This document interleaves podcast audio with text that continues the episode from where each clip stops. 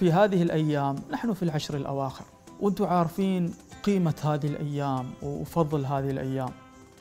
النصيحة أن الإنسان يعني يستغل الفرص. إذا جاءتك فرصة لا تأذن لها أن تفوتك.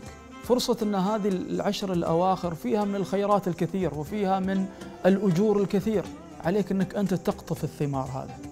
وتعلم أيضا أبنائك ترى أهم أساس اليوم نعطيه أبنائنا هي هذه الجوانب أيضا الإيمانية الجوانب الروحانية. ابني يكبر عليها يعرف قيمة الصلاة يعرف قيمة القرآن يعرف قيمة عبادة ربه سبحانه وتعالى يعرف قيمة هذه المبادئ في حياته.